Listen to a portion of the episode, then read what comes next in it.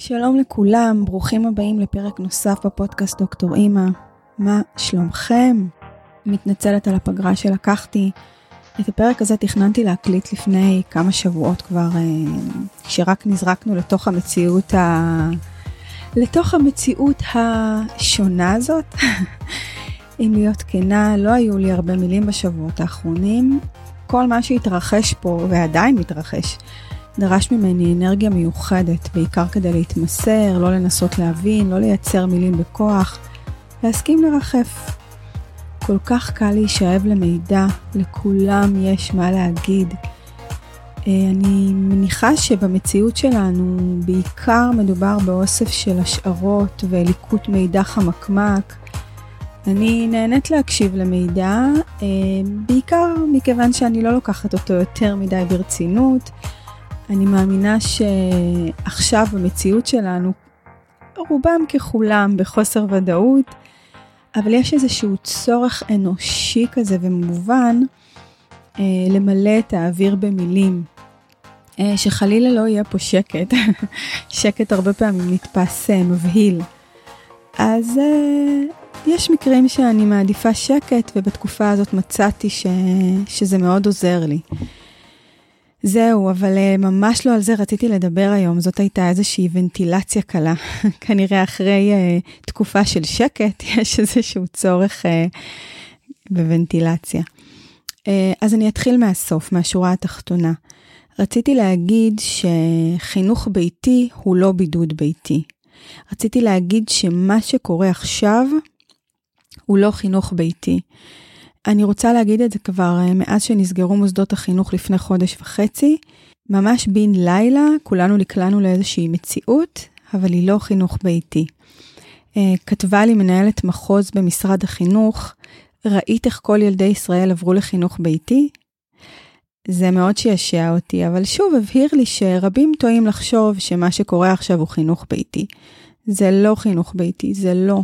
כולנו בתקופה מורכבת ועמומה, חינוך ביתי בשגרה לא נראה ככה.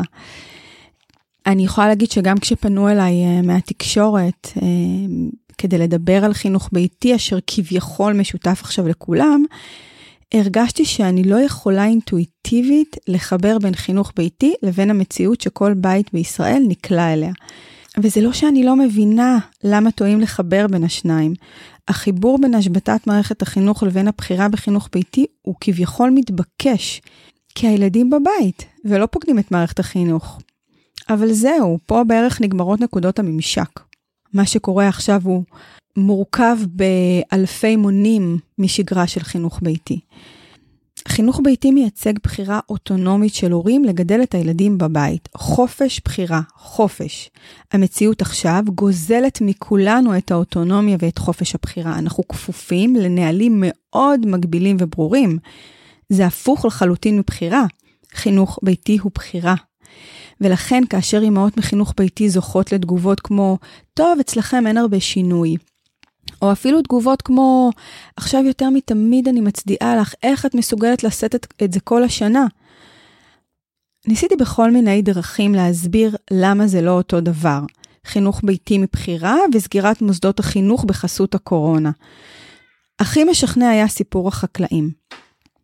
שני חקלאים, לשניהם אותו גודל שטח. שני החקלאים אוהבים מאוד את האדמה שלהם. חקלאי אחד החליט שהוא עוזב את העיסוקים האחרים שלו, והוא מקדיש את כל המשאבים שברשותו לחלקת האדמה. הוא רוצה להשקיע מוקדם בבוקר ולהפוך את האדמה, לעבוד את האדמה בידיים שלו. בכל יום הוא עושה את כל מה שצריך כדי שהקרקע שלו תניב יבול. הוא חורש, מסמן את הקרקע, זורע, מחליט מה לזרוע, קוצר את היבול, אה, וכמובן משקה את הקרקע, מדשן אותה. הוא לומד את הקרקע לפרטי פרטים. הוא יודע לזהות חרקים שמתקרבים, הוא יודע להגיד היכן כדאי לזרוע, מה ומתי, הוא יודע להתאים את הזריעה לעונות השנה, והוא חי בקרקע הזאת בכל יום, כל היום. מדי פעם יש משהו אחר לעשות, אז הוא יכול להביא מישהו שישגיח לכמה שעות, והוא חוזר.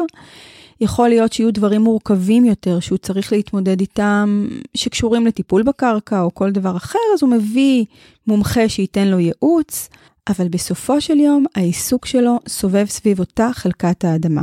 זה החקלאי הראשון. החקלאי השני, בנוסף לחלקת האדמה שברשותו, יש לו עוד עסק נוסף שלא שייך לאדמה. העסק שלו דורש משאבים רבים. החקלאי השני, אה, כמו הראשון, אוהב מאוד את, חלקת האדמה שלו, אה, אבל מכיוון שיש לו עוד עיסוק, אז הוא מעסיק אנשים אחרים שעובדים את הקרקע שלו.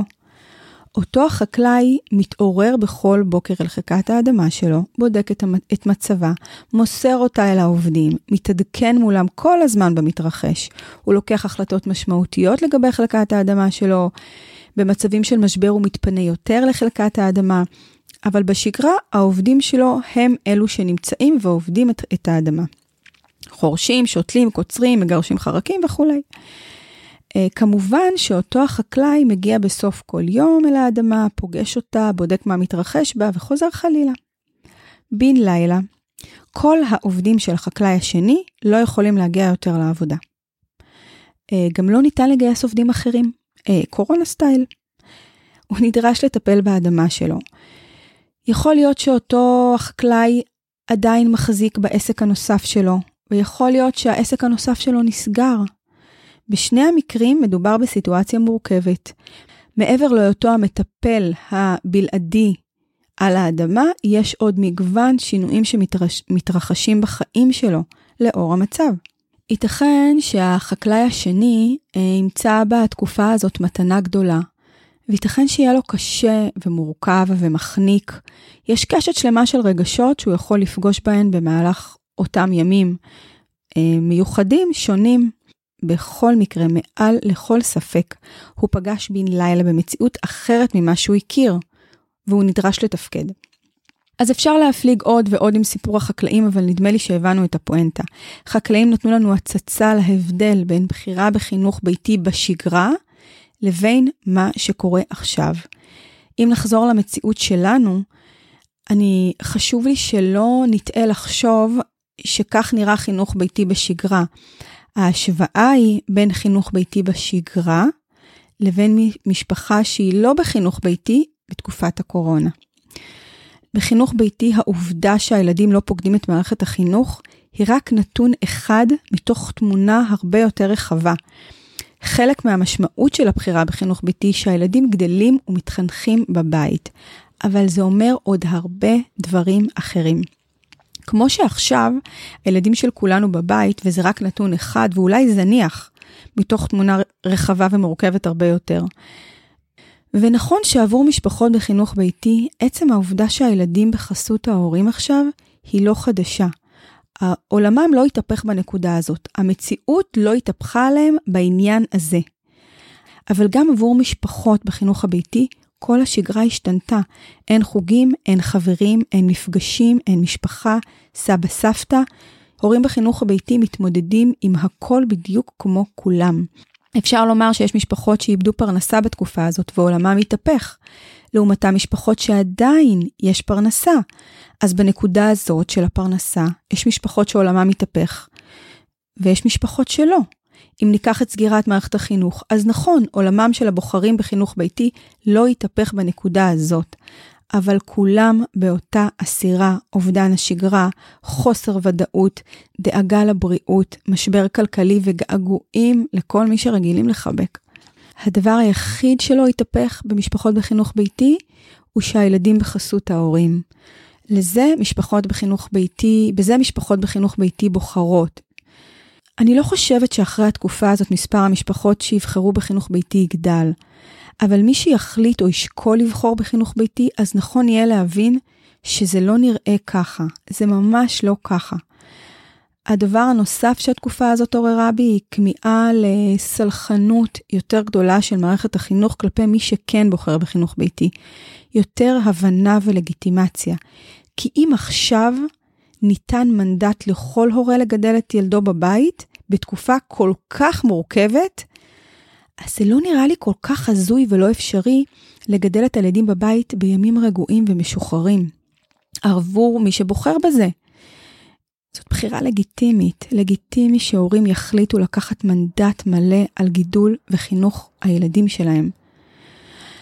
אז במסגרת המשאלות מתוך התקופה הזאת, אני מזמינה שיתוף פעולה ענייני ואיכותי בין משרד החינוך למשפחות החינוך הביתי.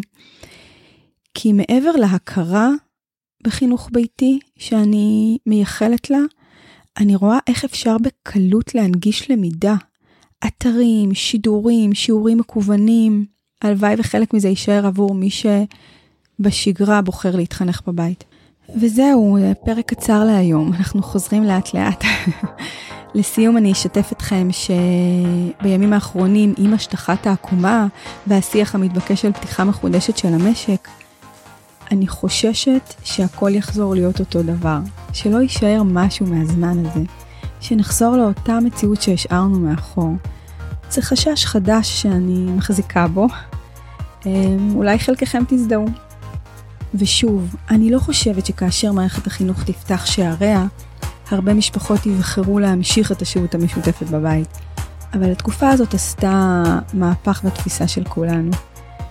זהו לפרק הזה. מה לאחל לנו? אין לי מושג, נראה לי שכל אחד מאיתנו זקוק למשהו אחר בימים האלו.